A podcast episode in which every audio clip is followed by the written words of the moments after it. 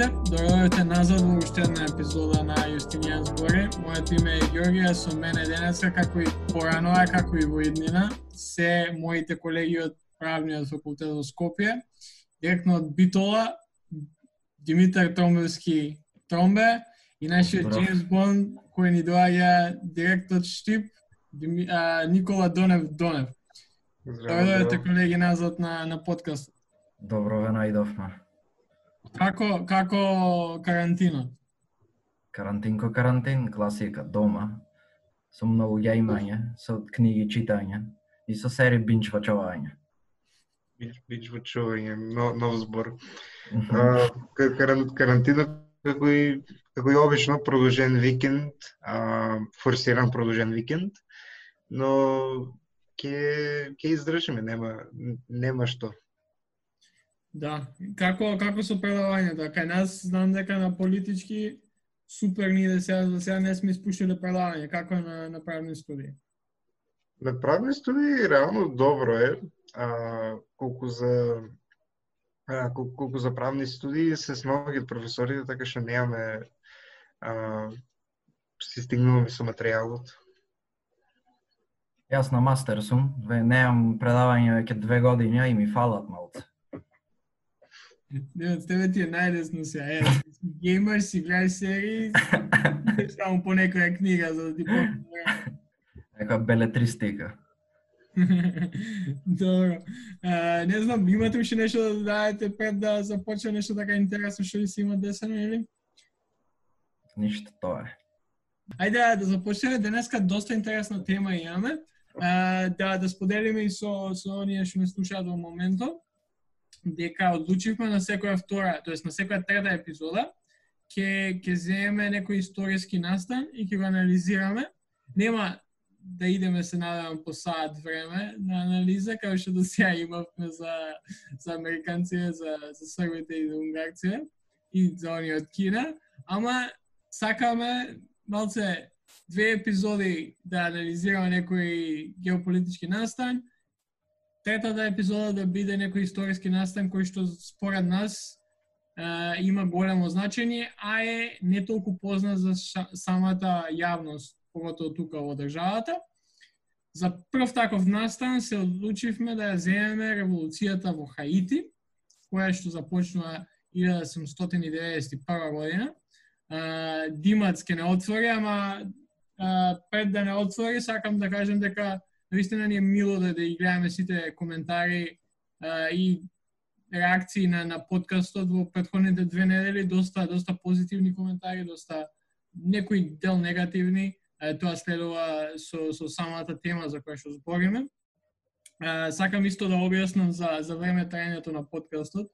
Тоа е дека јасно ни е дека сите не може не им се слуша по сати 45 минути да не слушаат нас тројца како збориме. Затоа одлучивме, а и веќе го правиме тоа. Ги е, делиме најдобрите делови од секој подкаст и се постираат на нашата YouTube, на нашиот YouTube канал, на тоест на каналот на на студентскиот медиум Авангарда, така што ако не ви се слуша цела епизода, имате видео верзија од најдобрите делови на на самиот канал на Авангарда и насловот сам ви кажува за, за што збориме. Денеска, после нашата дискусија, имаме гостување од професорот Мишо Докмановиќ од Правниот факултет, со што тој е и првиот професор, тоест првиот гостин кој што не е студент на нашиот подкаст, така што се надеваме дека после ова гостување ќе имаме и многу други кои нема да бидат само студенти, туку и професори, активисти и други други луѓе кои што ќе дојдат и ги гостуваат на подкастот. Но да не одземам уште многу време, Димац, палката е твоја, кажи ни нешто за да. за Хаити што не, не сме знаеле до сега. Да. Е, па ајде, пред да навлеземе во приказната за самата револуција, накратко да ја разгледам историјата на Хаити, пред револуцијата. Доколку некој не знае, Хаити, односно островот Сан Доменга, е остров на Карибите, и тој остров од далечната 1492 година бил за прв пат колонизиран од Кристофор Колумбус, кој го присвоил островот во име на шпанската круна. Е сега шпанската власт на островот траела до 1660 и била заменета со француска. А веќе од 1697 само западниот дел на островот а, бил под француска власт, кој патем и делот каде се одвива револуцијата. Овој остров бил еден од најзначајните колонии на Франција и бил голем извор на француското богатство, затоа што во него се произведувале 40% од шеќерот и 60% од кафето користени во Европа, кои биле значајни трговски ресурси за тој период. Но за да можеме да имаме за да може да има толкаво производство, потребни биле плантажи. И на тие плантажи работеле робови. Е са, во Санто Доминго бил дом на најмногу робови во светот, исклучувајќи го Бразил. До 16 век, извини, пардон, до 19 век, 90% од популацијата на островот биле робови. Условите на плантажите, што може да предпоставите, биле катастрофални, до тој степен што не била можна дури ни природна репродукција. И поради тоа најголемиот број на робовите биле родени во Африка, не, не на островот. Како и во секое општество тој период имало сталежи на островот, тие биле поделени на четири. На врвот биле слободни имотни белци, па под нив слободни имотни црнци, слободни неимотни белци кои што работеле физичка некоја работа и за најчиство и најдолу во хиерархијата биле робовите. Да, ја, ја може овде малце да се надоврзам на, на, на самата на самиот на самото објаснување за ситуацијата пред самата револуција во Хаити. А тоа е дека колку повеќе читав и гледав видеа за ова и документарци, најинтересно од, од целиот од цела оваа ситуација може да и поинтересно од самиот импакт кој што оваа револуција има, за кој што ќе збориме на крај. Мислам дека се овие четири сталежи и колку само сега ќе ќе ќе ги набројам кои се, што се, какви некои карактеристики имаат, ама ќе видите кога ќе ќе завршам ова објаснување за нив дека секој еден од овие сталежи имал различна причина зашто да крене револуција тоа ми е најинтересно и буквално во еден момент си имаш, се прашуваш како чекај, што се дешава, како секој против секој овде, затоа што не знаеш кој на кого прв ќе нападне. Димац ти, ти спомна, кажа, е, слободните имотни белци или, или гранде бланкс, као што биле наречени во тоа време, во, во Хаити во Санта Доминго, биле оние кои живееле на, на самиот север на, на островот и во некои а, писанија прочитав дека градовите кај што дел од овие од, од, од овој стале живеел изгледа како Париз.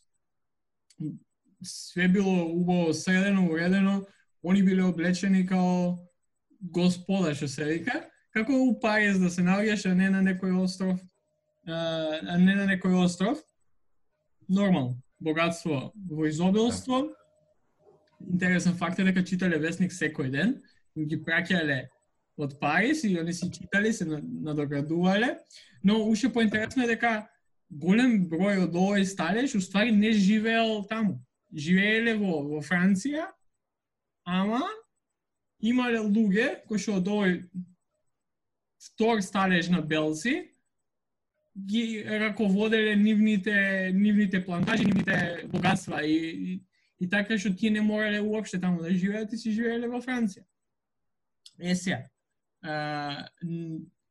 тие не биле задоволни од законите во Франција. Тоа бил некој најголем нивен проблем. Едно што не можеле да да да одбираат што ќе произведуваат, Дима си рече кафе, шекер, па не можеле нешто друго да произведуваат и биле лимитирани у тој поглед, ама исто така не можеле ни да бираат на кој ќе му го продаваат тоа што го произведуваат. И морале да одаваат на Франција. Во тоа време Америка и Ел Салвадор биле сакале, го сакале тоа што го произведуваат овие го произведуваат луѓето во, во Хаити но овие не можеле да им го продадат нив, бидејќи такви биле законите во Франција, они биле под под под само а, владетелство на на, на француската држава.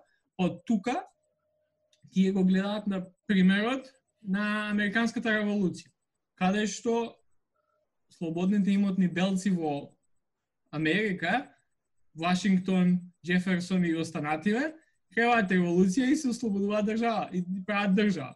Така што ова е причината зашто уствари најгол највисокиот сталеж слободно имотни белци сакале револуција. Као имале робови, некои имали по 200, ама не биле задоволни. Е сега, вториот сталеж на белци или а, слободно неимотни а, белци и на, на француски Петит Блан биле оние кои што биле доселеници од Франција и, и дошле на островот за да се зборатат и да се вратат назад во Франција. Е сега проблем за нив а, било тоа што тие уствари не немале имот. Работеле за овие големци и сето она што го а, заработувале го трошеле назад во Франција, бидејќи не се од таму, не, не ни планираат да останат таму. Нивна конкуренција како и да и причина зашто тие биле на некој начин изфрустрирани е првиот сталеж на црнци, а тоа се слободните црнци тие се осеќале инфериорни, белците од, од вториот цар се осеќале инфериорни спрема нив, бидејќи едно што тие можеле а, можеле да да имаат имот, а друго што веќе сами имале богатства направени и а, биле по поучени, по поблагородни од самите белци. Тоа за, за овој втор стале на Белци било незамисливо и, а, и, и било проблем и сакале да направат било што за да, за да, го, да го снема тоа. И сега проблемот кај првиот сталеж на црнци е што тие, иако имале некоја своја автономност во тоа дека, оке, можат да, а, можат а, да имаат имот, можат да знаеш, да, да, да прават пари, да, да имаат богатство, да се обучуваат, да се облекуваат, сепак немале право на глас. И немале право да гласаат и со, со наредица апархейт закони од а, пред револуцијата, многу, многу права им се намалува. И тоа е причина за нив, зошто сакаат и тие да а, да а, да отпочнат револуција за на крајот на денот да ги имаат тие права. Е сега, доаѓаме до последната категорија, а тоа се робовите. Робовите, како што Томбе ти кажа, Да работеле во ненормално лоши услови, а, биле 90% од самото население, ама биле третирани лошо, а, хигиенски, здравствено, голем дел од нив умирале против поради болести, поради тоа што не можеле да се излекуваат, поради тоа што биле а, третирани многу лошо и тортура се вршала врз нив. А, е најинтересно за, за мене е тоа што самите тие, нели, за нив е нормално зашто е сакале револуција, сакале бидејќи сакале да се ослободат. Но, но што направиле тие, а, која виделе, тоест бойкотирале работа, а, ги користеле тие на, средства како да да ја подобрат некако таа нивна ситуација, со тоа што бойкотирале работа се додека лошиот шеф не биде избркан од работа. Или доцнеле на работа, или биле бавни при работата, или пак лажеле дека се болни, за да створат некое чувство на, на, на другите да мислат дека овие се премногу инфериорни спрема нив, што после мислам ќе видиме дека биле доста uh, underestimated и, и поради тоа што сите сметале дека овие робови се глупи. Затоа ни знаат да работат, ни, ни знаат да читат и ништо, и у војна ќе ги победиме, лесно. Агно, ама ќе видиме што ќе се деси потоа. Мислам дека, не знам, ако имате вие нешто да додадете за овие четири сталежи, мене овие работи ми беа фасцинанти само кога го читав само по себе, колку само голема разлика има помеѓу некои слични луѓе, тоест живеат во едно исто место, ама ама колку само разлики имаат едни помеѓу други, без разлика тоа дали дали се белци црнци или било каква било как друг социјален социјален статус. Не, ми, мислам, мислам дека дефинитивно е као пред, пред да поминеме кон историскиот дел што што Димитар го спрема, а, е то е, е, е фактот на, на различна дефиниција на, на слободата на сите осталежи, така што за најнискиот осталеж а, нели слободата значи да нема робство, а додека за погорните значи тие да имат своји робови. И тоа и тоа некако чудно мислам дека после а, по, по, а, после целосното, нели кога ќе добиеме целосно стика околу текот на револуцијата, можеме да начнеме и во однос на фактот за неприродноста на на робството како таков систем во нели барем според концепциите на, на модерниот свет.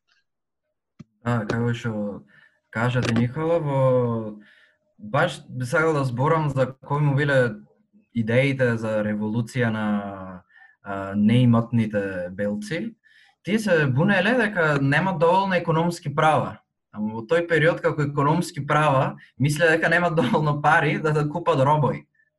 И затоа тие му биле едни од причините за револ да Е са добро, да продолжиме со историскиот дел, со револуцијата. Многу битно за контекст на револуцијата е француската револуција која паралелно се дешавала и била како мотив за избувнување на сите овие револуции, како е та поврзана со ова прва фаза на а, револуцијата во Хаити. Е сега, сето тоа кажана, годината 1789-та е избувната француската револуција, веќе започната. Ова е значаен настан, што големиот дел од населението на Санто Доминго ја закажал своја ја, ја, ја искажуваат својата несреќа. Е се, слободните црнци сакале повеќе права и да не бидат дискриминирани, се разбира.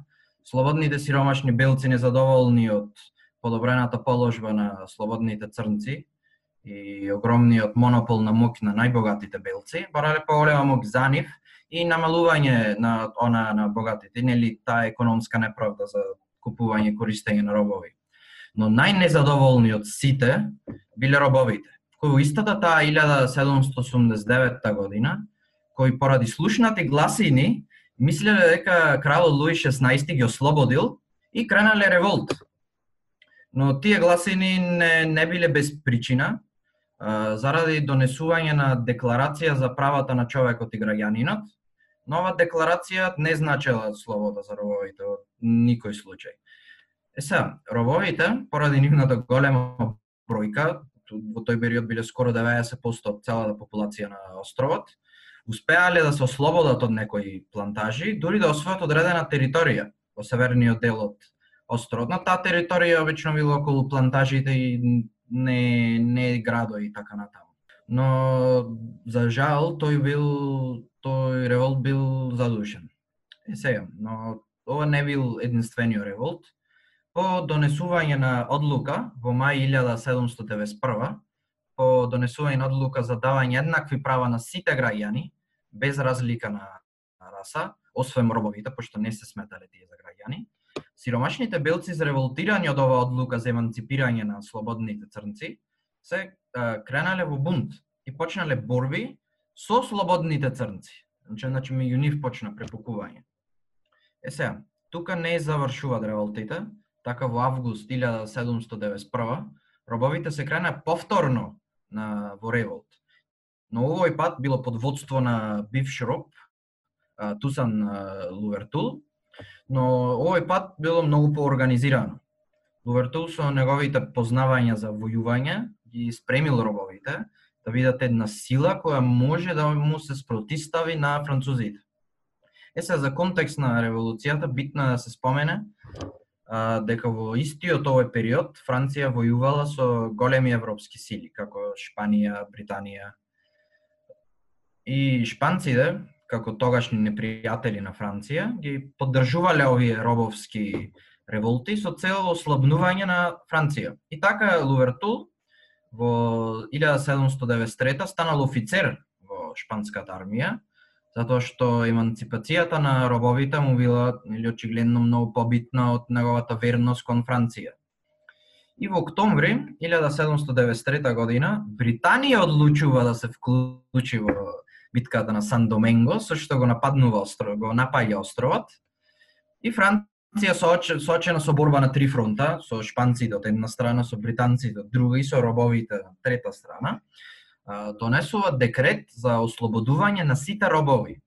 Истиот тој бил ратификуван на 4 февруари 1793 година. Овој голем денот и во на овој ден официјално веќе робови барем во француските Кариби не, нема поче. До мај истата година Ливертул дознава за декретот, вајда немало некој кузне некакви технички средства, па му требало 2-3 месеци за да дојде таа информација. И се дознава за декрето и менува верност. Повторно, значи, се враќа кај французите. И ова негова одлука ја менува судбината на борбите на островот. И Франција доаѓа во предност. И така најуспешните робовски и така најуспешниот робовски револт во светот донесе слобода за робовите на островот Сан Доминга.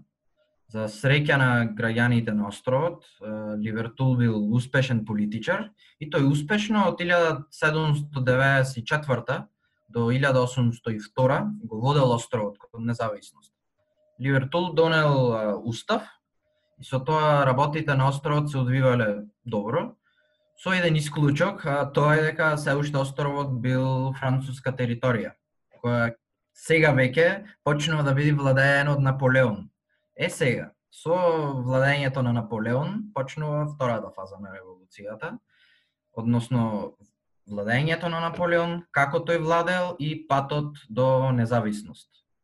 Са во 1799 година, малце поназад, Наполеон ја презел власта во Франција преку државен удар, а се назначил себе си како прв конзул. После тоа, тој, тој донел нов устав, со што определил дека во колониите нема да важат законите на Франција, туку специјални закони кои според него ќе одоловат природата на колониите. Но ова е битно да се каже, не е случајно, ова не е дека Наполеон многу бил заинтересиран за природата на колониите, туку неговата поинта му било да се тој сакал на француските колонии во Америка, да ги прошири, неговата империја таму да ја зацврсти, но за тоа му треба многу финансиски средства. И како на најпрофитабилен начин да експлоатира нешто и да направи големо богатство е преку робови. И затоа како Алиби го искористи та природата на колониите за да направи нови закони кои ќе бидат дозволени дозволено робството на островот, оти нели знаеме претходно било слободено со француски закони. Е се, со тоа кажано, во 1802 Наполеон испратил експедиција на островот на чело со неговиот зет Леклерк, кој набрзо по неговото доаѓање го уапсил и го затворил Ливертул и тој починал по година дена во робија во Франција. Но ова не било причина само по себе за започнување на нов револт, затоа што во тој период Ливертул не бил некоја многу сакана личност на островот поради продолжување на политиката на одгледување на шеќер и останати такви продукти. Иако немало робство, но сепак условите за работа биле катастрофални, иако биле плаќани работниците минимално и немале право да му ги продават децата. А други сепак биле во мизерни услови, тие мизерни услови створиле некој анимозитет кон а, Ливертул.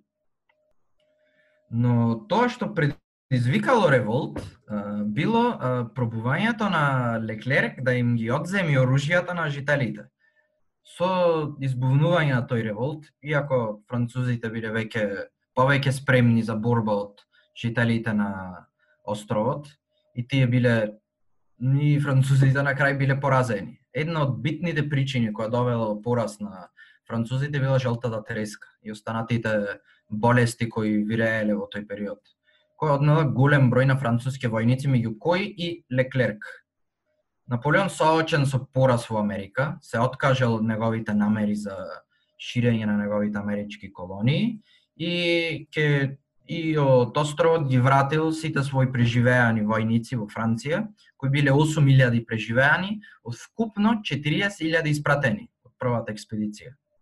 И, така на 1 јануари 1804 година Десалин човекот кој ги поразил французите, ја прогласил независноста на островот, со што името го сменал од Сан Доменга, кој што било колониското име, во Хаити, како што го нарекувале домородците пред доаѓањето на Колумбус.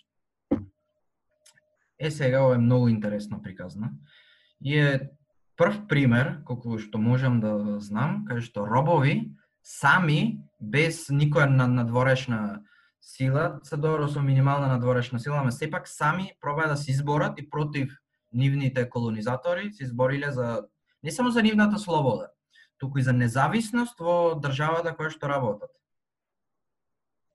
Дефинитивно е, сметам, е, мене лично е не ми беше позната оваа револуција до пред некое време и на само кажување на тебе на Димитар на на на ова, овој некој настан кој што би било интересен да би било интересен да се обработи.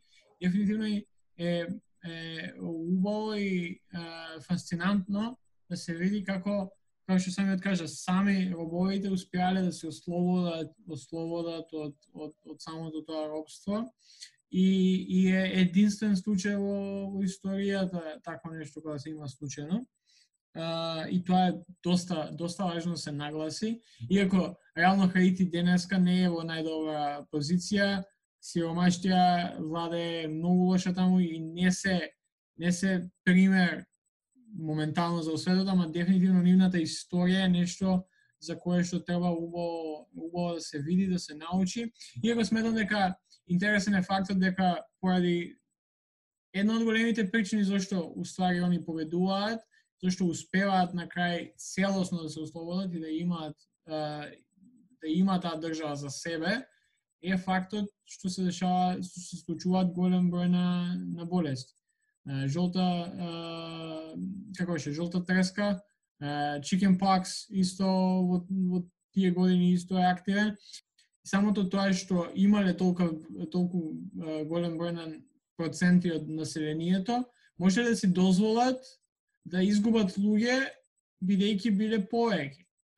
Французите не можеле, војската на Наполеон не можела и затоа се одразило тоа на крајот. Оно, оно што за мене го прави поинтересно е сушност као доказо дека дека токму во 18-ти 19 век имаме а, имаме такви револуции како нели како финален обид да се разруши она малку што остана од средновековниот феодализам. А, така што ми, ми, мислам дека нели надвор од нели земајќи го во контекст, а, сушност со ова се покажува дека е еден еден систем кој што му е дотраено времето. А, секој ќе спробува да се одржува нели на како таков, користејќи користејќи сила и моќ, но но само преку дефинитивно преку сила може да се отргне и мислам дека фактот што имаме некако се чини back to back а, француската револуција, американската револуција за независност, а, револуциите што се случуваат во Латинска Америка, во Карибите. А, сето тоа е нели се чини како еден ланец, еден процес на конечно а, оттргнување на тие стари стари феодални политички системи и замена со нени новите што во тој период се а, капиталистичките, но и друго што сакам да напоменам овде, а, во контекст на можеби со малку искористување на теориите на природното право е е тоа што нели доколку се земе предпоставката дека а, човекот е роден со некои права кои што не му се а, кои што се неотуѓиви а, и неодречи, не може човек да се одрече, слободата е една од нив, а, така што и овде може да се направи аргументот дека дека сосема е природно робовите да а, нели да бараат слобода и нели да бидат ослободени за со цел да бидат а, целосни луѓе, човекот да биде човек. Но оно но кој ќе се конкретизира, мако нели ја видовме на почетокот со состојбата фактот што секој сталеж има своја дефиниција на слобода. И токму бидејќи слободата е доста широка категорија, токму затоа имаш различни дефиниции и дополнително нели а, и различни причини за револуциите и за слобода. Така што реално со светот се гради според концепциите кои што ќе победат и кои што ги излезат на крај, па така што може би некој од другите сталежи да беше поуспешен во револуцијата, може би ќе имавме друга дефиниција во однос на што значи колонија да биде слободна, или собственици на плантажи да бидат слободни или пак слободни да бидат робови и тоа е нешто за размислување. Да, како што кажа, дефиницијата на слобода е многу обширна и многу различна зависно кој ќе опрашаш што е слобода. Е, пример да ги земе робовите за денес што правевме муавет. Тие јесте да се ослободија, не биле повеќе робови, но дали беа стварно се уште слободни, пошто иако не беа робови, пак работеа присилно на истите тие плантажи, само што нивните господарци биле сменети. Не биле белци, туку биле богати црнци. И сега наместо да бидат без пари, нешто му плаќале. Дворед децата нивни не ги продавале на, на некои други работодавачи, но сепак нивната положба се уште се уште биле најниско во, во ланецот. И се уште имало некој над нив што ги мултретира и така натаму и, и така натаму. И макар и после осамостојувањето, има имаше некои кралеви, председатели и така натаму во Хаити кои што имале голема диктаторска власт и не се понашале баш најдобро. Така да од една страна да, се ослободи робовите, не се повеќе робои, но тука доаѓа ја што е дефиницијата на роб. Знаеме што е роб, ама мене и малце и робски ми изгледа да работиш за минимална плата во никакви услови. Да, по, по, по повторно тоа е контекстуализација на работите, така што дури а, нели според модерната либерална традиција робството е не не хумано, не човечко, нели дека човековата личност е целосно деградирана, но но во минатото дефинитивно и така како се барале а, нели филозофски дури решенија за тоа дека робовите се робови затоа што таква им природата на луѓето, затоа што така се раѓаат и така натаму со други различни теории, но оно, оно што сакав да кажеме дека а, дека либералната традиција токму овде преовладува а, и се и понатаму се гради оној а, по поредок на, на државите на светот што ултимативно доведува нели до распаѓање на колонијалните империи иако иако нели во тој период се мислеше дека и нели колонијалниот империализам е е таму за да остане со тоа што а, граѓаните на колониите ќе добијат поголеми права. Да, дефинитивно, колеги, се согласувам и, и за крај мислам дека убаво е да се напомене и да се отвори некоја мала полемика за, за тоа каков е самиот импакт од оваа револуција и која, која велам на импакт не мислам на тоа што се случило со Хаити од тоа до сега, туку каков импакт ослободувањето на ова на оваа држава имало врз други држави, врз други и врз други земји каде што има робови и, и како тоа целосно се одразило. Јас сакам а, да започнам со, со фактот дека сметам дека иронично ослободувањето на робовите овде значи почеток на на самата експанзија на, на тој робовладетелски систем во САД. Како, како пример би го дал самиот факт дека е, самиот факт дека во текот на оваа војна, тоест 1800 година, како што Димас ти спомна, Наполеон бил доста силен и, и конечно после 37 години тој заедно со неговата војска успеале да, да ја ослободат Луизијана, да ја вратат Луизијана со пактот кој го случиле со, со шпанците, кои после 37 години се откажуваат, тоест се откажуваат, ја губат Луизијана. Во тој момент Томас Джеферсон како председател на САД пробува, се обидува да да да да, куп, да, да го купи Нью Орлеанс, кој што за нив тој сметал и сакал да биде тој некој мост помеѓу долниот дел на Америка, а, север, а, југот, и се поврзал со, со, со, со, со, со северот и, и со тоа би возможил слободен а, а, трейд, слободен а, пренос, а, пренос на, на робовите од едни робоводетели на други. А, првата понуда од 10 милиони долари, сега, рафли не знаеме колку би било во денешно време, ама првата понуда Наполеон ја одбива. Бидејќи војната, војската која што тој ја има тогаш е многу посилна од било која војска во светот камоли војската на 13 сојузни држави на САД кои што само што се ослободиле од британска власт.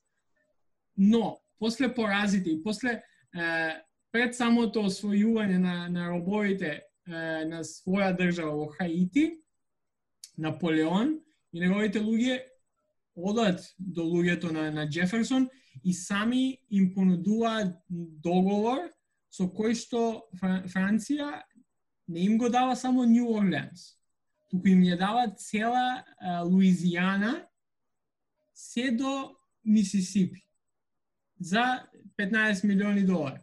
И, и може да мислите за, за само 3-4 години и за само 5 милиони долари поеќе од еден град кој што американците го сакале, Джеферсон го сакал, тој сега ја добива цела Луизијана и цел слободен простор, 530 милиони ари, што значи за тие 15 милиони долари добива 3, 3 центи на ар. Што е незамисливо и дефинитивно му овозможува не само слободен превоз, да ја, да ја дуплира површината на самата држава која што која што до тоаш била релативно мала. И, и мислам дека тоа тоа дефинитивно им, им овозможува и, и е, е некој почеток на самата на самата експанзија во САД која стана збор за робовладетелство и о е, северноамериканскиот континент. Хаити не не е откако Хаити се ослободува уште една робовладетелска држава станува стапува на сила која е што може мораме да признаеме многу по по економски мокна. Станала многу по економски мокна од самиот Хаити и многу поголема поготово со со добивањето на на Луизијана од од Франција.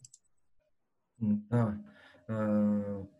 Благодарејќи на едни робови што се слободи од Хаити, веќе почна да се разговори таа експанзионистичка локомотива во Америка со добивањето на Луизијана. Луизијана не било едно обично мало парче територија, тоа било од од Мексичкиот залив до до денешна канадска граница.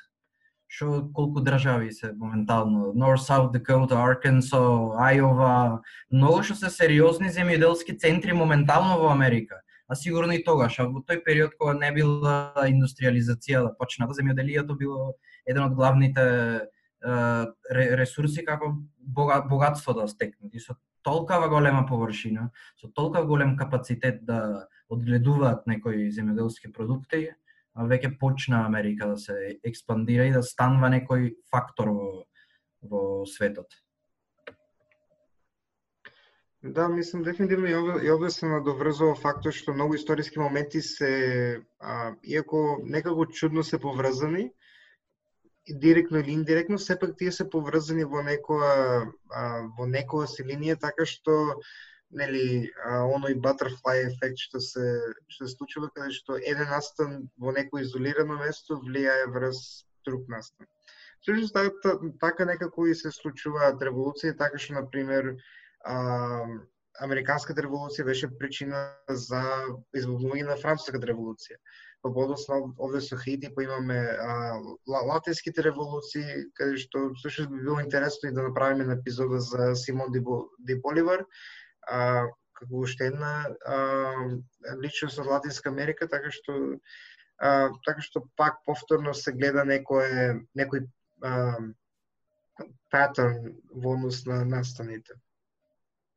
Да, и со ова мислам дека може да затвориме темата околу Хаити и еволуцијата таму. А, дефинитивно ја ужива додека погото Димитар треба да слуша во, во самите а, податоци и, и како самата војна се одвива и, и едва чекам на нашата следна епизода која ќе збориме за некој друг настан што би било некаде за 2-3 недели. А, сега, малце ќе продолжиме со нашата стадна рубрика Вести. Уште од сега да ви, да ви кажам, нема да зборам 10 минути као без престан за, за тоа што ме нервира во политичкиот систем во САД, но да не должам многу джингл еден и идеме со најновите вести кои што се дешаваат во моментот.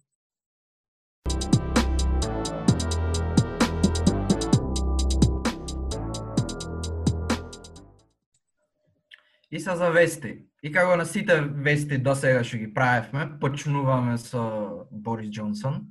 Имаме еден апдейт со него.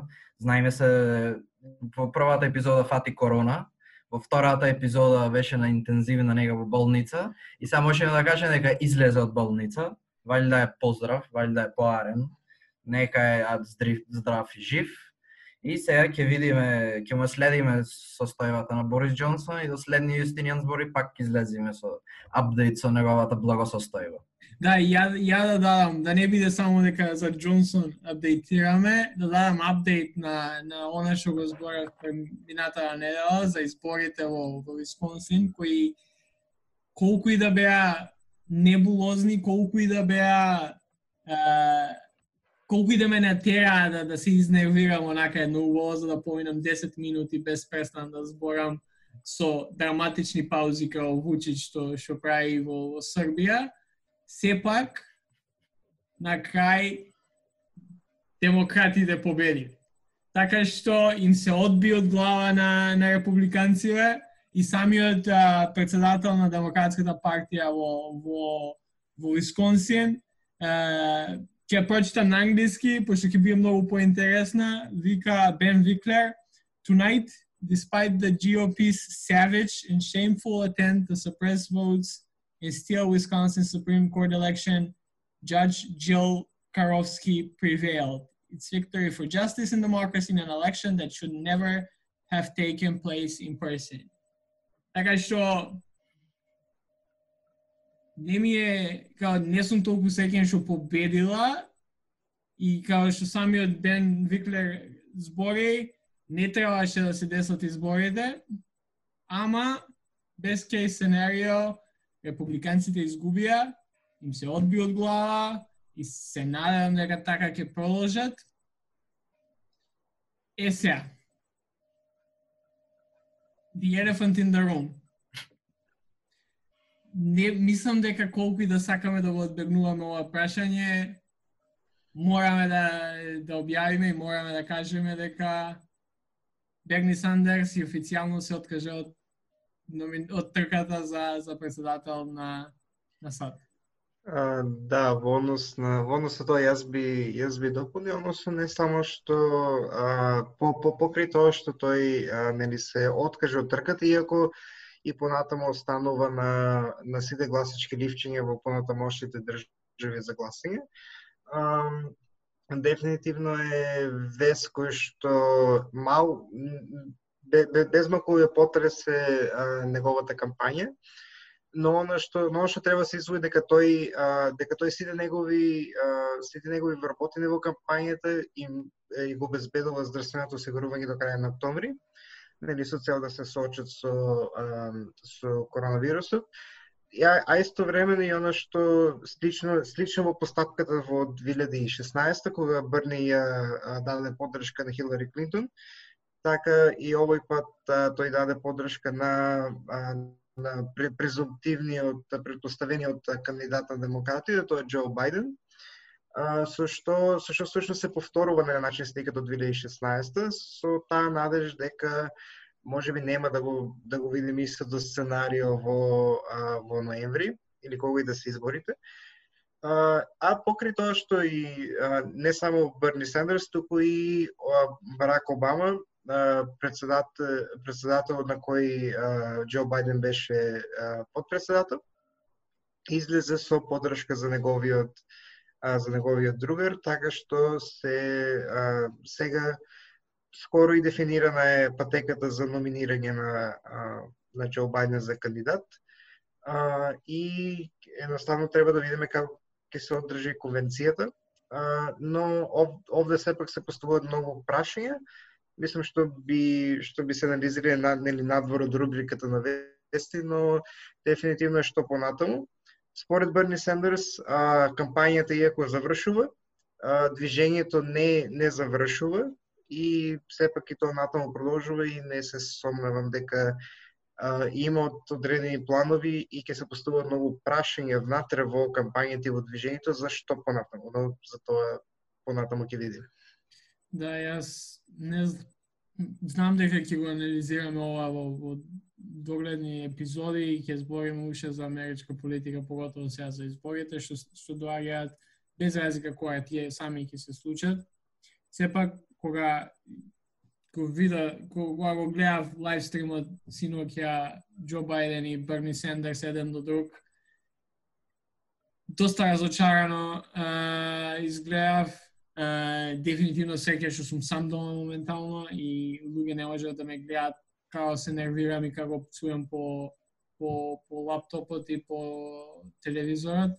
А, ама дефинитивно е разочарувачки, uh, затоа што ја помина цела кампања, погото модеративе, погото оние од самиот центар на Демократската партија, Джо Бајден being one of them, напаѓајќи го Берни и, и напаѓајќи ги неговите луѓе, за сега да бегне да излезе по, по, по големиот.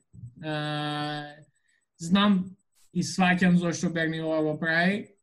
сметам дека до некаде и он во, во својата некоја олуга е правечно, ама гледајќи како Доналд Трамп добива уште една голема а, шанса да победи на, на изборите, не е убава гледка.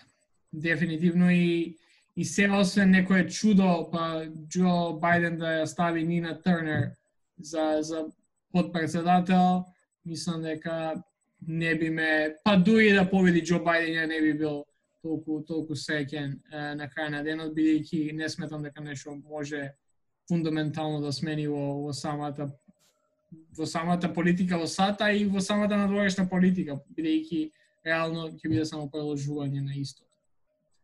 Не знам. Димат, ти имаш уште нешто да кажеш или да затвориме пред да почнеме да... Ја што, што имам да кажам, дека сум претажен. Не знам за, за што да видам потажен, дали од тоа дека Брни поќе не е кандидат или дека го поддржа Џо Бајден. Ама една друга страна која ми е интересна од сето ова, да, во ред, ајде, се деси што се деси, ама сега почнуваат веќе сурогатите на и соработниците на Брни да излегват по по TV шоу и да твитаат за нивни гледања за кои се причините и скоро сите, барем јас и прочитав, скоро сите се едногласни дека устори Брни е предобар. Дека Барни не може да му се спротистави на неговиот, кој тој што кажува my really good friend Joe Biden. И како една од причините тоа гледат дека не му се спротистави за некои очигледни работи кои треба му се спротистава, од кои најочигледната е очигледна е него, него, него, неговите когнитивни проблеми што Трамп нема сигурно да му кјути насред дебата ќе ќе му кажи дека е дека е старец со деменција и нема да му е гајле на Трамп, пошто е обично були. Да, тоа Георги, слушам, Георги, слушам дека има многу интересно интервју, па ако можеш да ни кажеш околу тоа. Да, ајде да завршиме на, на, на интересна нота. Дефинитивно а, интервјуто што следува, уживав ја правејќи го, и зборувајќи со професорот, а и верувам дека а, сите оние, тоест сите вие кои ќе го слушате, ќе уживате и ќе, ќе добиете доста доста интересни информации и, и мали а, мали нагец за за воиднина како за студентите кои не слушаат, така и за за повозрастните а, повозрастните кои не слушаат Уживајте во интервјуто со професорот Мишо Докмановиќ, а ние колеги се слушаме и гледаме за следната епизода која као и до сега ќе излезе во среда.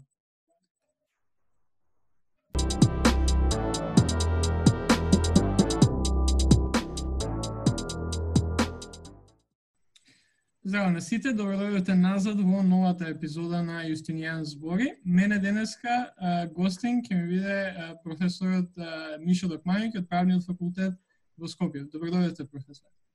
Добре дојдете, благодарам многу за поканата.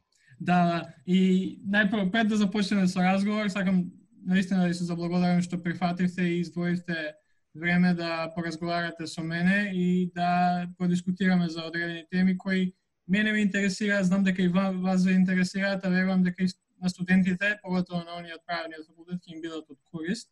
Сакам да нагласам дека мора да спомена дека сте првиот професор гостен на Естинијан збори. До сега имавме неколку студенти, па така сега се надевам дека после вас повеќе ваши колеги ќе ќе ќе ни гостуваат, па и со нив да направиме муабет за одредени теми. Да, да.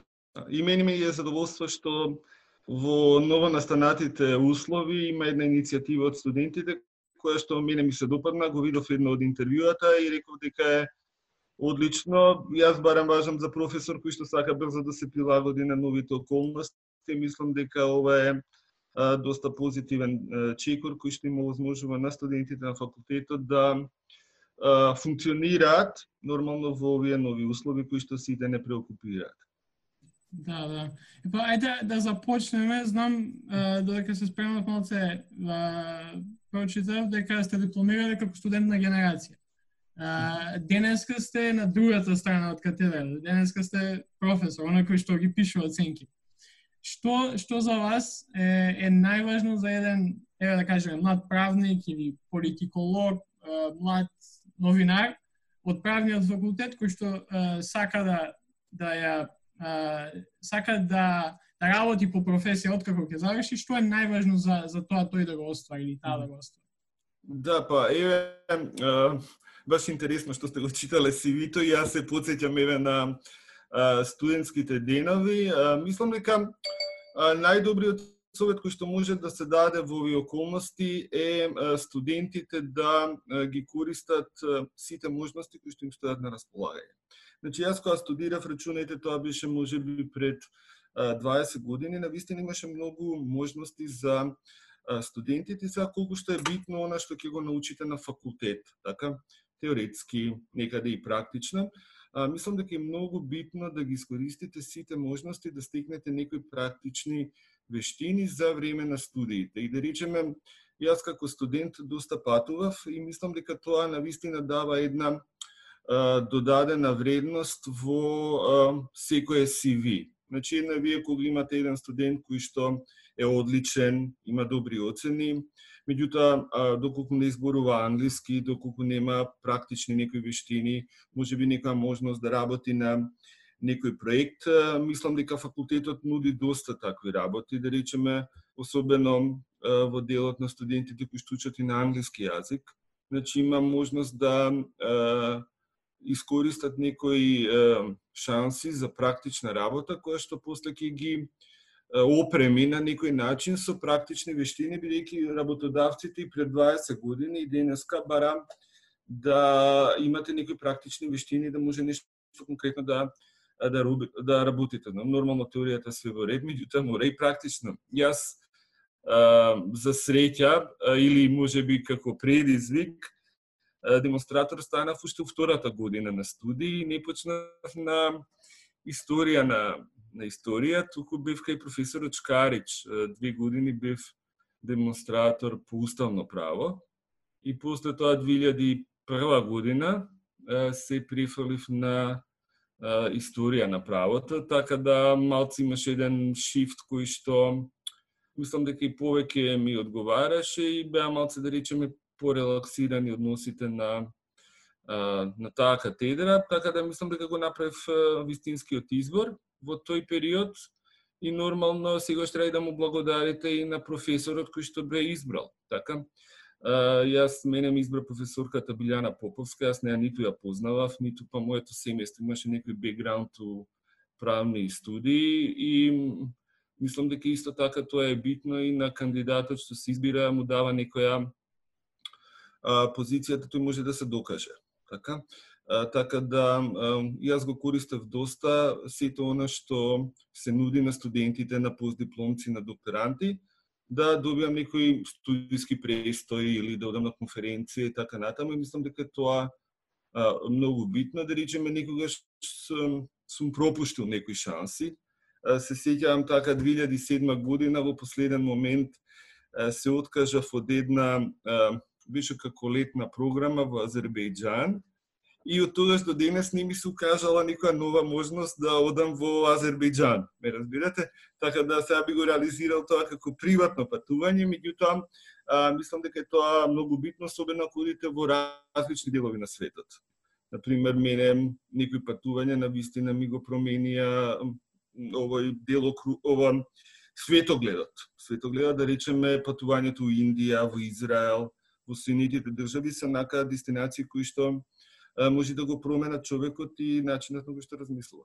Дефинитивно кажавте кои се придобивките, поготово вакви некои што студиски престој надвор, настани, конференции, работилници, а и а, знам од ваши предавања што имам слушано, а, знам дека секојаш имате некоја приказна да кажете од некои такви предавања а, кои ги а, поврзувате со материјата за која предавате. Па сега би ве прашал дали може да издвоите едно патување, еден настан или една конференција која што ви оставила голем впечаток и ви ви помогнала да да станете тоа што сте денес. Uh -huh. а, па да, делом да одговорив на ова прашање, меѓутоа ако го одговорам ова прашање на во делот на кариерата, што ми го промени, а, дефинитивно тука немам можност за поголем избор, бидејќи дефинитивно тоа е еден надпревар по меѓународно право кој што се одржуваше во подолг временски период, значи негде повеќе од 10 години. Тоа беше симулација на судење пред Меѓународниот суд на правдата во Хаг, каде што студентите добива случај измислен и требаше да да бидат улога на адвокати на една од двете држави кои што фиктивно спорат пред Меѓународниот суд на правдата и да ги бранат нивните интереси. И тоа беше надпреварување на кој што учествува учесници од негде 15 земји од регионот и се одржуваше во Сараево во 2003 година.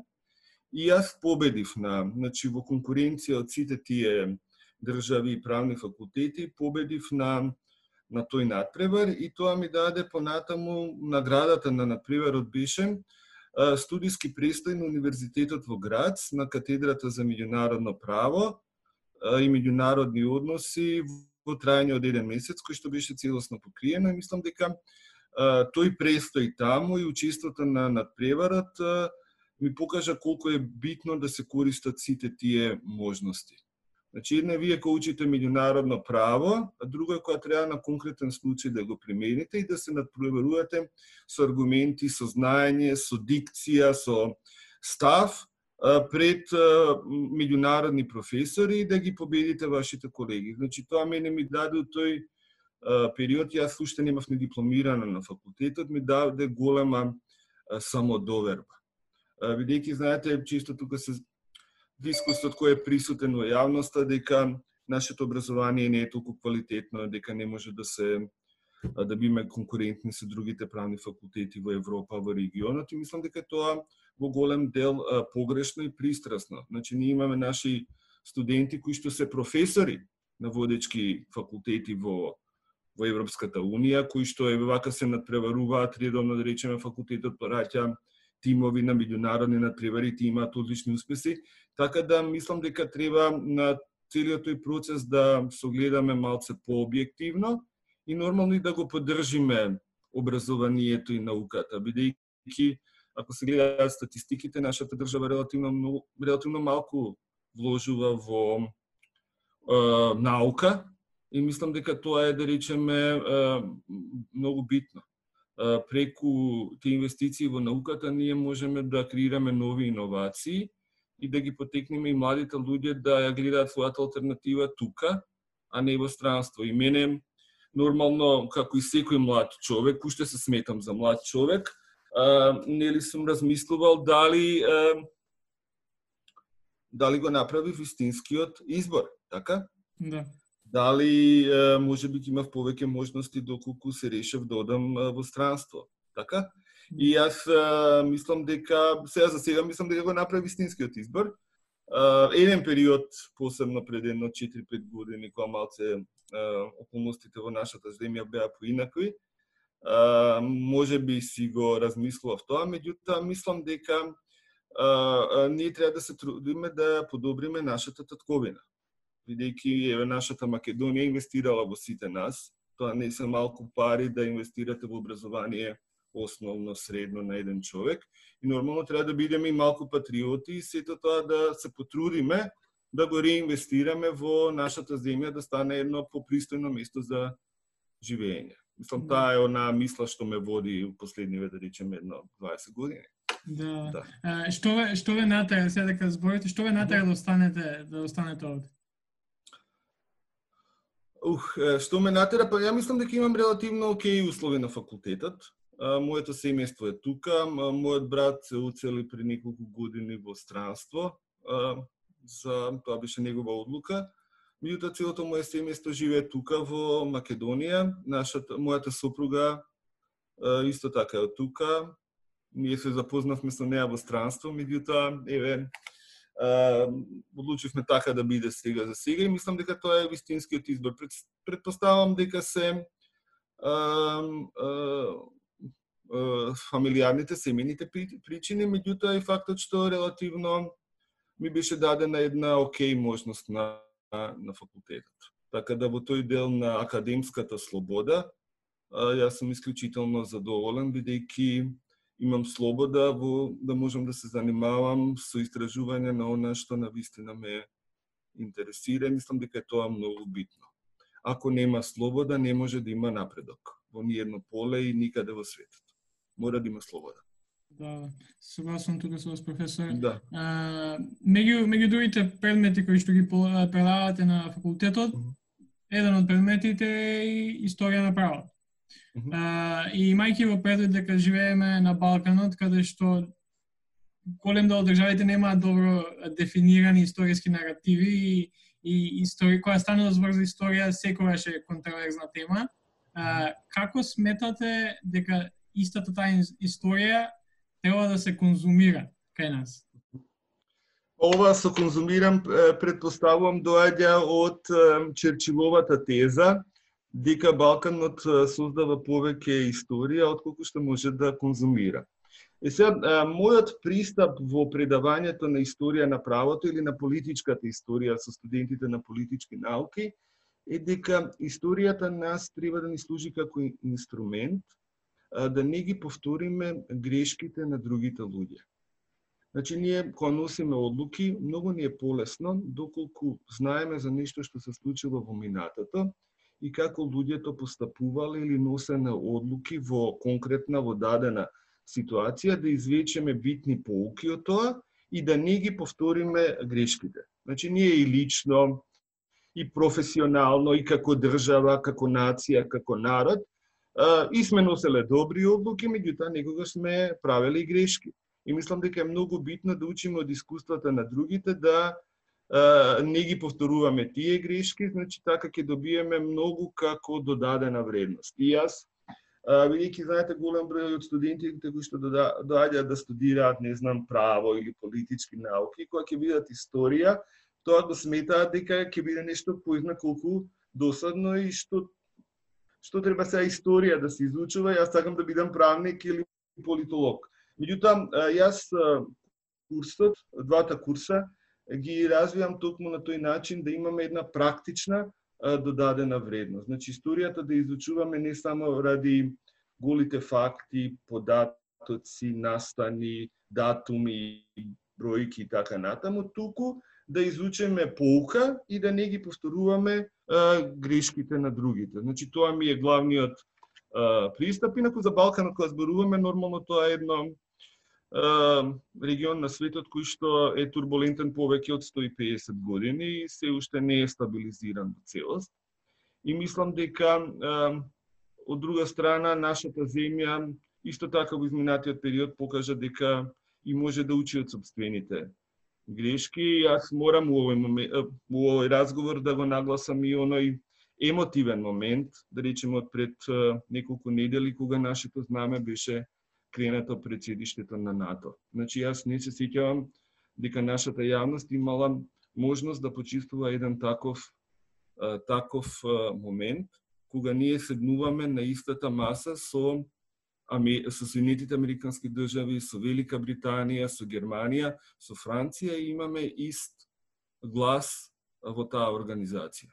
Значи, за мене тоа лично како човек беше на вистина, може би најемотивниот момент во изминатите 30 години, бидејќи Македонија покажа дека научи од собствената грешка и мислам дека секогаш треба да гледаме во иднината, бидејќи иднината ни дуди повеќе можности. Не треба, многу е лесно да се враќате во минатото. Така? Многу е лесно да се враќаме, меѓутоа многу е тешко да носиме одлуки од кои што ни зависи иднината. И мислам дека е тоа многу битно и се надевам и оптимиста сум. Значи јас сум оптимиста за иднината на нашата држава и особено на младите луѓе. Мислам дека овие настани од последниве неколку месеци ќе променат состојбата во нашата земја. Нормално тоа мој има мали деца, често им раскажувам приказни, во приказните има добра самовила која што има волшебно стапче ги менува работите веднаш, и по реалниот живот не оди тоа така. Значи мора да научиме на грешките и да работиме сите заедно посветени и мислам дека е тоа многу многу битно. Така да јас сум оптимист во секој случај. Да, да дефинитивно начнавте да дел од вашиот одговор е може да го искористам како почеток за уште една тема на дискусија во овој разговор, а тоа е а, само самата дипломатија која Македонија во моментот ја води. А, моја лично мислење е дека од многуте работи кои што владата на последната влада на Заев ги направи, сметам дека дипломатијата под водство на, на Никола Димитров е можеби најсветла точка во, во целата ова политичка ситуација. Па што вие мислите на што се должи сето тоа? Па тука поради определени објективни околности нема да можам целосно да коментираме ова прашање.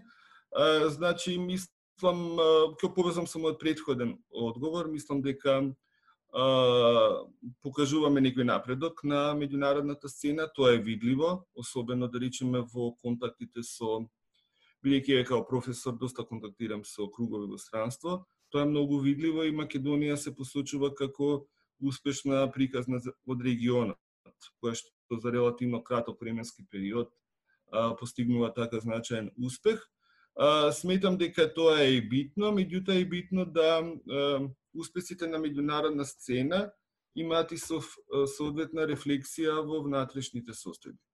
И во таа смисла мислам дека а, мора да се води сметка и за внатрешниот развој и како овие придобивки од на меѓународно поле може да ги имплементираме и да постигнеме некој економски ефект на, на среден рок. Бидејќи работите многу тешко се менуваат во секоја структура, во секоја организација, кај секој човек. Значи, вие, и ако земете човек кој што секој обичен човек, многу тешко може да ги промените неговиот карактер, како работи и така натаму, а сето тоа ако го подигнеме на ниво на држава е уште потешко, меѓутоа доколку има една клучна група која што може да ги понесе реформите, бидејќи сега од овој процес кој што ни предстои, предстои голем реформски процес. Ние кога ги почнеме преговорите во Европската за членство во Европската унија, нас не чека голем реформски процес. И тоа не е само во надворишната политика, тоа е уште поважно во земјоделството. Не знам во потрошувачките права, економските слободи. Значи, работи кои што многу потешко може да се променат на на краток рок. Значи нас ни предстои еден а, комплексен процес во во сето тоа и јас а, мислам дека токму тука е шансата за младите луѓе, бидејќи евроинтеграцијата нема нема да им го промени животот на пензионерите многу или на луѓето кои што се наближуваат на таа возраст, евроинтеграцијата ќе им го промени животот на младите луѓе. И мислам дека тука е и вашата шанса, бидејќи оваа емисија таргетира млади луѓе, затоа се обидувам и да пратам некоја порака, значи на вистина ова историски момент и мислам дека ќе има многу можности за младите луѓе и во рамките на преговарачкиот процес, но и кога еден ден ќе станеме членка на Унијата и нормално колку добро се покажеме, тоа ќе се рефлектира и на брзината на на интеграцијата, бидејќи имаше голем песимизам во Европската унија, знаете. Меѓутоа сега мислам дека сме на нова страна отвараме, има нов оптимизам и доколку покажеме како држава дека сме мотивирани и подготвени да се промениме, мислам дека ќе имаме и е, подобри и побрзи резултати на пократок рок. Мислам дека е тоа битно, бидејќи вие друго е ако вие ги почнете сега преговорите преговарате 20 години, меѓутоа ако ги завршите за 4-5 години, тоа може да ви промени состојбата значително. Да. да дефинитивно.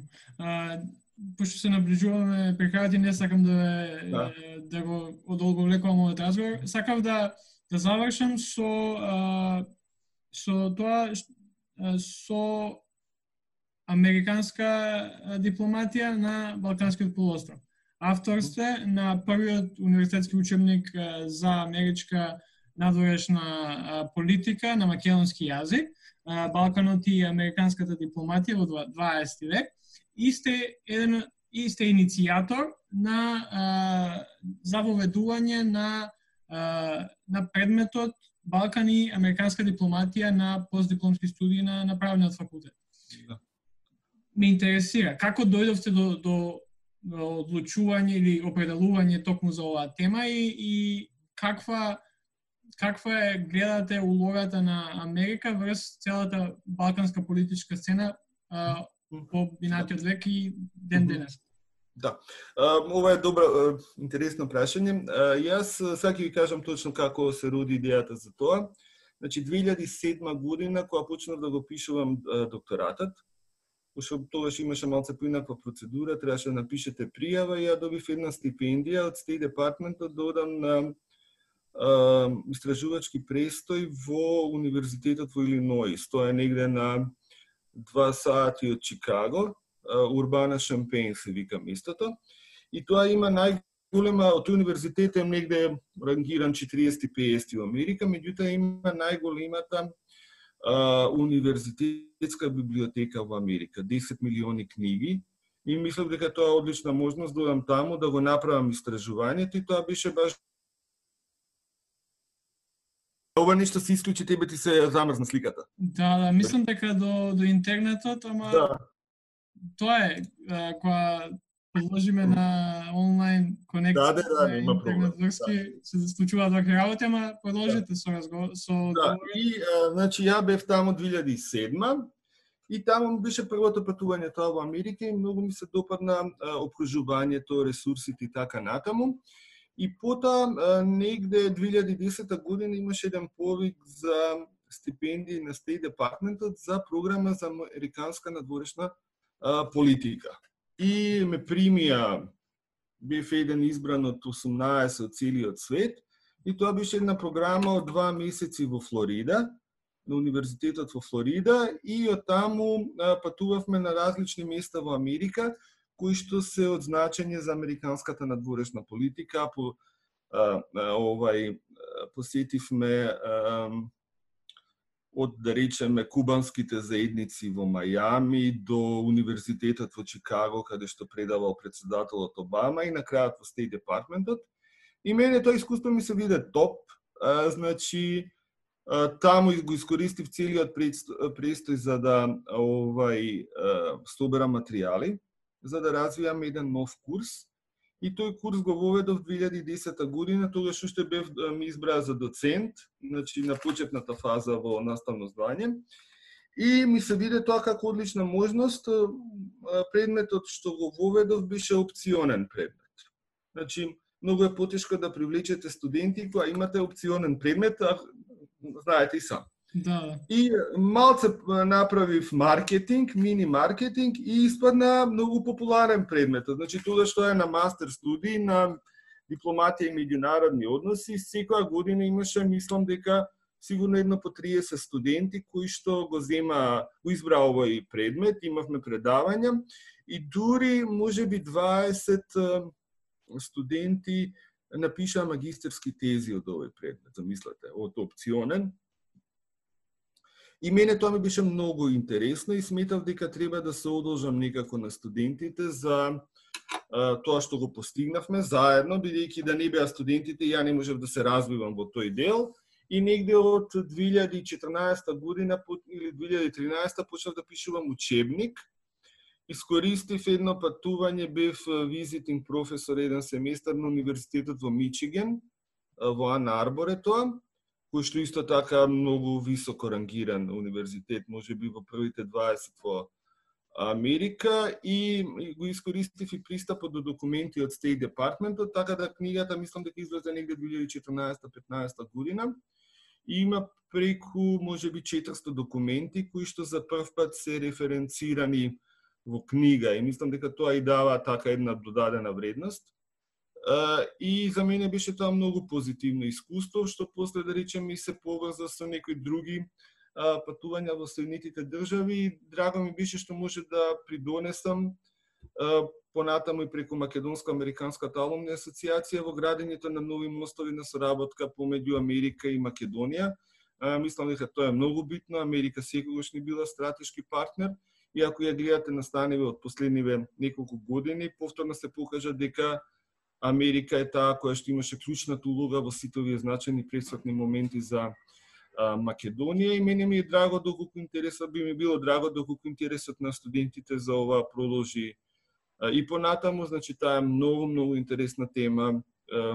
Ги учебникот книгата ги опфаќа и односите со Албанија, со Бугарија, со Грција, со бивша Југославија, наследничките на Југославија, така да некои работи може би прв пат се евидентирани во нашиот научен дискурс особено многу интересни односите со Албанија. Албанија, например, немала дипломатски односи 52 години со Соединетите Американски држави од 20 век или Бугарија често ги прекинува дипломатските односи, така да ме беше тоа фантастично и многу интересно. Така да моето истражување во овој дел на некој начин е завршено.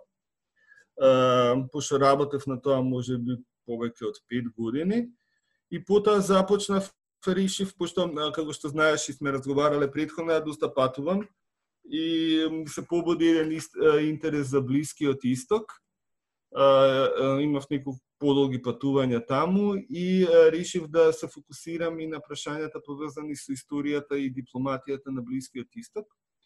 Така да и тогаш воведов уште еден предмет, кој што се вика Современа историја и дипломатија на Блискиот Исток И ово мора да признам дека овој предмет не побуди таков интерес како овој предходниот. Значи имаше студенти што го избира, меѓутоа тоа беше повеќе менторска настава, имаше многу многу поголем интерес за Балканот и американската дипломатија, бидејќи предпоставаме дека а, самите студенти сваќаат што е нашиот стратешки интерес без да го да, без да прочитаат книгата или без да одат на предавање од овој курс, така да мислам дека тоа е многу битно и мислам дека и нашите генерации треба да ги користат можностите кои што ни се нудат, особено оние што ќе се занимаваат со меѓународни односи и политика, бидејќи односите со Америка се е, наш национален приоритет во секој случај и е, им стоам на располагање на вашите студенти доколку се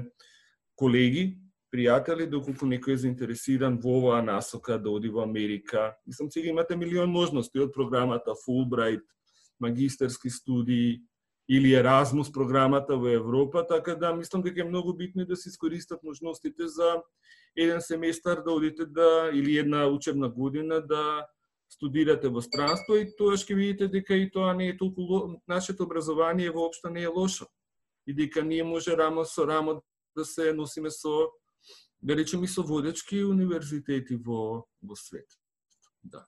А, дефинитивно и ја би ја би додал само дека како студент е, многу е по е, по добро за, за мене бар беше да да можам да дојдам до некои податоци, поготово кога станува збор за е, дипломатијата на САД на, на овие простори, на најпрво на наш јазик, а потоа и да имам можност да ги да ги прочитам и да ги видам и полесно е и за учење и за разбирање на некои да. на, на некои работи зошто и како се случуваат. Да, да. А, и дефинитивно е од помош на студентите а, и едва чекам да го земам предметот кога ќе дојдам ја на мастер студија. Ајде, добро. Да, а, добро. Така да. ќе видиме. Е сега за крај сакам да. завршам со ед, едни ед, едно блиц прашање, бидејќи сега Да. сме за сите во карантин, затворени дома. Да, Денеска да. е сабота, прв проложен викенд карантин кај нас. Предлог. Една книга, еден филм, една ТВ серија и едно хоби за тие што го слушаат подкастот. Ау. А, Сега ќе испадне се дека ме давам а, со еден колега овај бидејќи мислам дека на сите ни треба малце возбуда, така? Да, А, јас мислам дека дома е многу досадно да се седи, а, со деца мали поготово е предизвик. А, да речеме би можел да ја а, препорачам кни... а, да препорачам ова, со еден колега баш зборував за ова пред некој ден. А, не знам ова Homeland, дали имате гледано една серија Homeland. А, значи тоа е со настани поврзани со разузнавачката служба на САД во различни делови на светот и мислам дека таа е многу многу една драматична и возбудлива серија. Последната сезона сега се емитува, има можеби 7-8 сезони, така да ако сака некој да ја гледа, многу е интересно, особено третата, четвртата сезона се навистина многу интересни. Е сега јас као што имам мали деца, немам баш толку време за читање, може да ви дам нешто а, нешто да речеме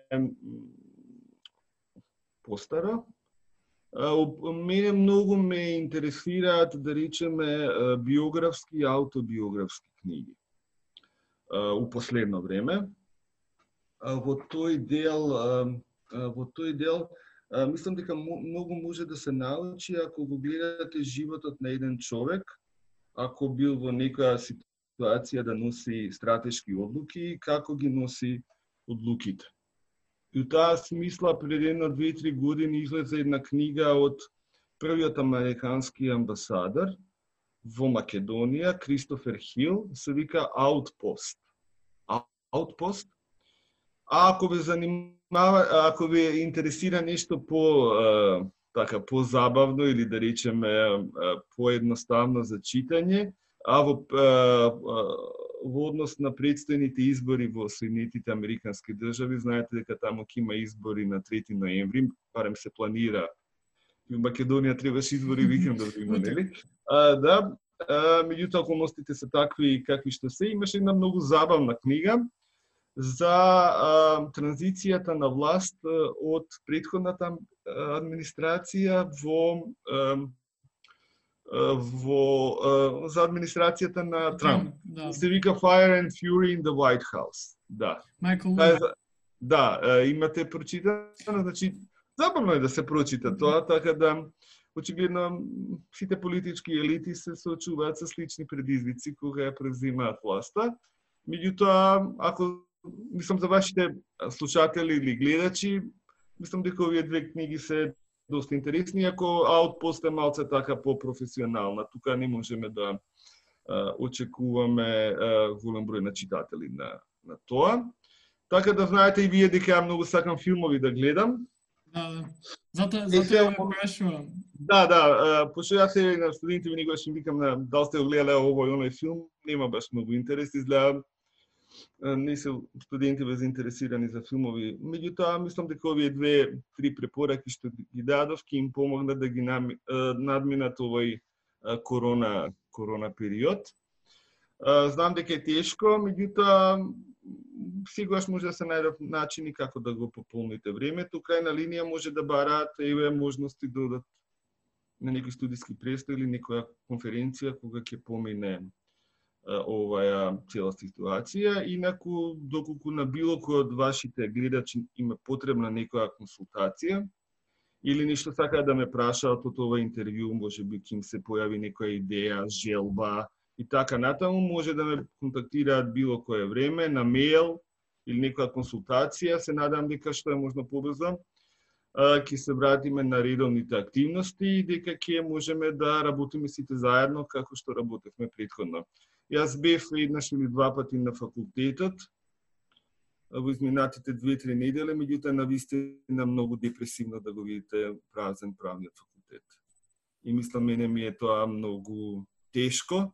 Мораше да додам да земам некои книги од кабинетот и да го видите факултетот празен. Никогаш во јас сум на факултетот од како бев студент 22 години никогаш факултетот го немам видено така празен и на вистина тоа ми го крши срце, срцето на некој а, начин. Се надевам дека сите ќе искористиме оваа ситуација, ќе излеземе посилни, а, похрабри и дека ќе можеме и понатаму да придонесуваме уште подобро за нашиот и заедничкиот развој. Да. Не. Ви благодарам професор на гостувањето. Нема проблем со задоволство Ѓорги, фала многу, многу ми се допадна ова и измини два-три не можевме предходнава недела пошто би баш зафатен со малите, меѓутоа баш ми драго и баш ме расположи овој разговор и ви ставам на располагање за се што е потребно понатаму. Значи, се гледаме на факултет професор. Е така, се ми убаво. Чао. Чао.